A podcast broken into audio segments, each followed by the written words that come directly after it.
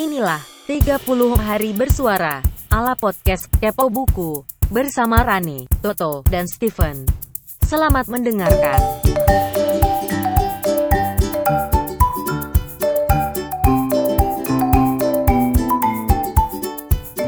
Hey, ketemu lagi di 30 hari bersuara ala kepo buku bareng gua Rane Hafid. Satu kata kunci, satu episode setiap hari selama satu bulan penuh di bulan Desember. Itulah inti 30 hari bersuara, sebuah challenge atau tantangan yang digagas oleh teman-teman dari komunitas The Podcasters Indonesia. Nah, kepo buku tertantang untuk ikut Ya tentu dengan tema buku pastinya. Jadi makin menantang lagi karena sudah ditentukan kata kuncinya harus pula sesuai dengan tema buku. Kadang-kadang bikin pusing juga. Nah, untuk kata kunci hari ini adalah pengganti, pengganti. Oke. Untuk kata kunci pengganti ini gue mau bicara soal pengganti medium buku, yaitu buku elektronik atau e-book dan audiobook. Mediumnya ya, bukan bukunya buku menurut gue tidak akan tergantikan walaupun bentuknya mungkin berubah-ubah. Oke, kita mulai aja. Yang pertama e-book atau buku elektronik. Ada juga yang mulai pakai istilah buku L. Wah, keren juga, buku L. Itu buku L lu ya? M, ember, halah.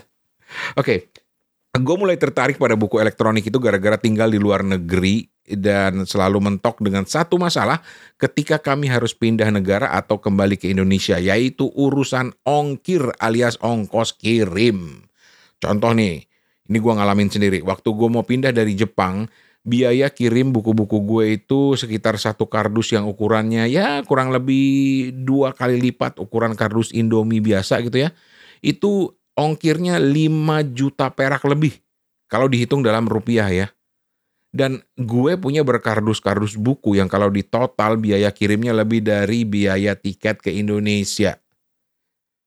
Karena itulah jadilah gue beralih ke buku elektronik karena menurut gue satu kelebihan utamanya yaitu bisa muat ratusan mungkin ribuan buku tergantung berapa besar media penyimpanan atau storage lo. Buku elektronik juga praktis menurut gua karena ukurannya kecil, mudah dibawa dan belinya juga gampang. Nggak usah nunggu kalau lagi pesen, terutama kalau pesen lewat pos. Tinggal pencet-pencet aja.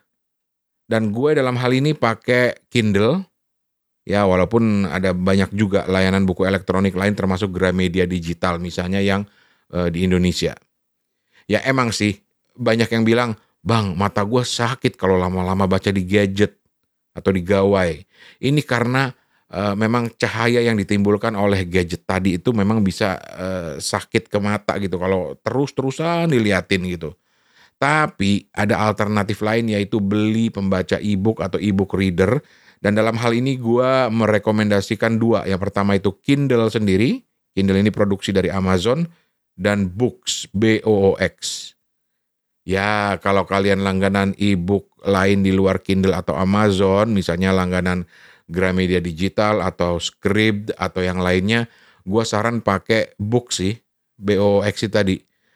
Karena Books itu berbasis Android, jadi bisa download aplikasi-aplikasi pembaca buku lain, misalnya Gramedia Digital atau Script dan layanan lainnya seperti yang gue ceritakan tadi. Oh ya, ada disclaimer dulu, gua nggak dibayar sama Kindle atau Books ya, jadi ini bukan sponsor. Terus apalagi ya soal ebook, oh ini, ini, ini ada cerita menarik nih. Ada teman yang bilang, beda lah bang sensasi baca buku fisik dan buku elektronik.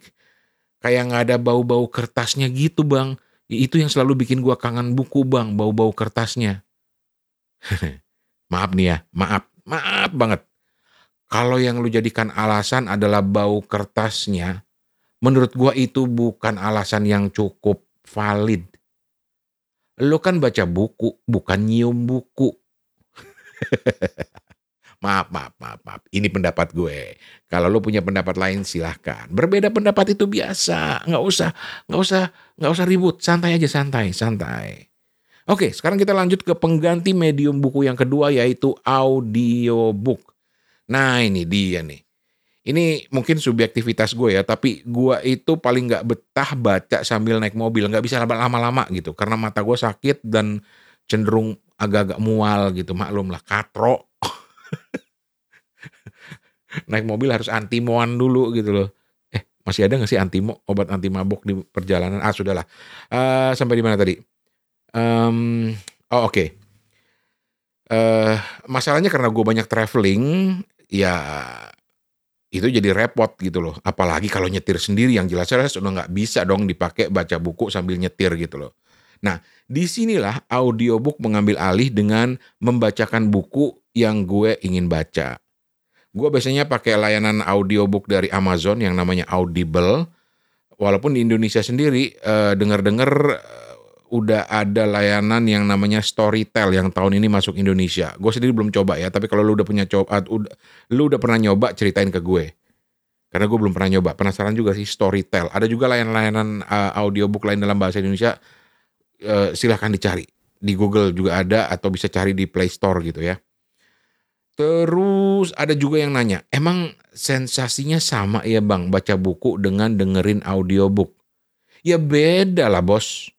Audiobook itu menurut gue ibarat lu dibacain oleh orang lain. Kalau eh, buku biasa atau ebook ya lu yang baca kan. Ya emang sih eh, yang gue alamin ini ketika pertama kali denger audiobook adalah memang perlu adaptasi sedikit apalagi untuk buku yang jumlah halamannya banyak perlu ada jeda, nggak bisa lu sekali denger gitu. Karena rentang perhatian kita saat mendengar itu sangat pendek. Gue sih biasanya denger per bab atau per setengah bab, terus istirahat, terus terusin lagi. Kurang lebih begitu. Nah, kelebihan audiobook ini menurut gue adalah karena bisa disambi sambil melakukan kegiatan lain. Gue misalnya kalau lagi bepergian, kalau nggak dengerin musik atau podcast, gue dengerin audiobook. Gitu teman-teman. Selamat mencoba dan mudah-mudahan ini bermanfaat. Silahkan dicoba-coba dulu kalau tertarik. Kalau untuk ebook e, sebenarnya nggak perlu beli ebook readernya atau pembaca ebooknya. Bisa juga download aplikasinya, misalnya Kindle gitu, itu bisa di-download. E, Gramedia Digital juga tersedia untuk e, aplikasinya di iOS atau Apple ataupun di Android. Begitu kurang lebih. Terus cerita deh, lu bisa menikmati apa enggak? gitu. Oke lah, besok di hari ke-11 teman-teman, ada yang istimewa karena ada dua orang yang akan ngisi bergantian sekaligus. Siapa dia? Tungguin aja besok. Yang jelas satu satu cewek, satu di Ambon, satu di luar negeri. Di luar negerinya tepatnya di Kairo, Mesir. Be, keren, keren. Kita tungguin, kita tungguin. Yang pasti teman-teman, kata kunci 30 hari bersuara besok adalah prinsip. Prinsip. Mantep nih. Kita tungguin besok. Untuk saat ini gue Rane Hafid pamit. Sampai ketemu lagi besok. 30 hari bersuara adalah gagasan dari komunitas The Podcaster Indonesia. Saya Tante Google. Sampai ketemu di episode besok. Permisi cuy.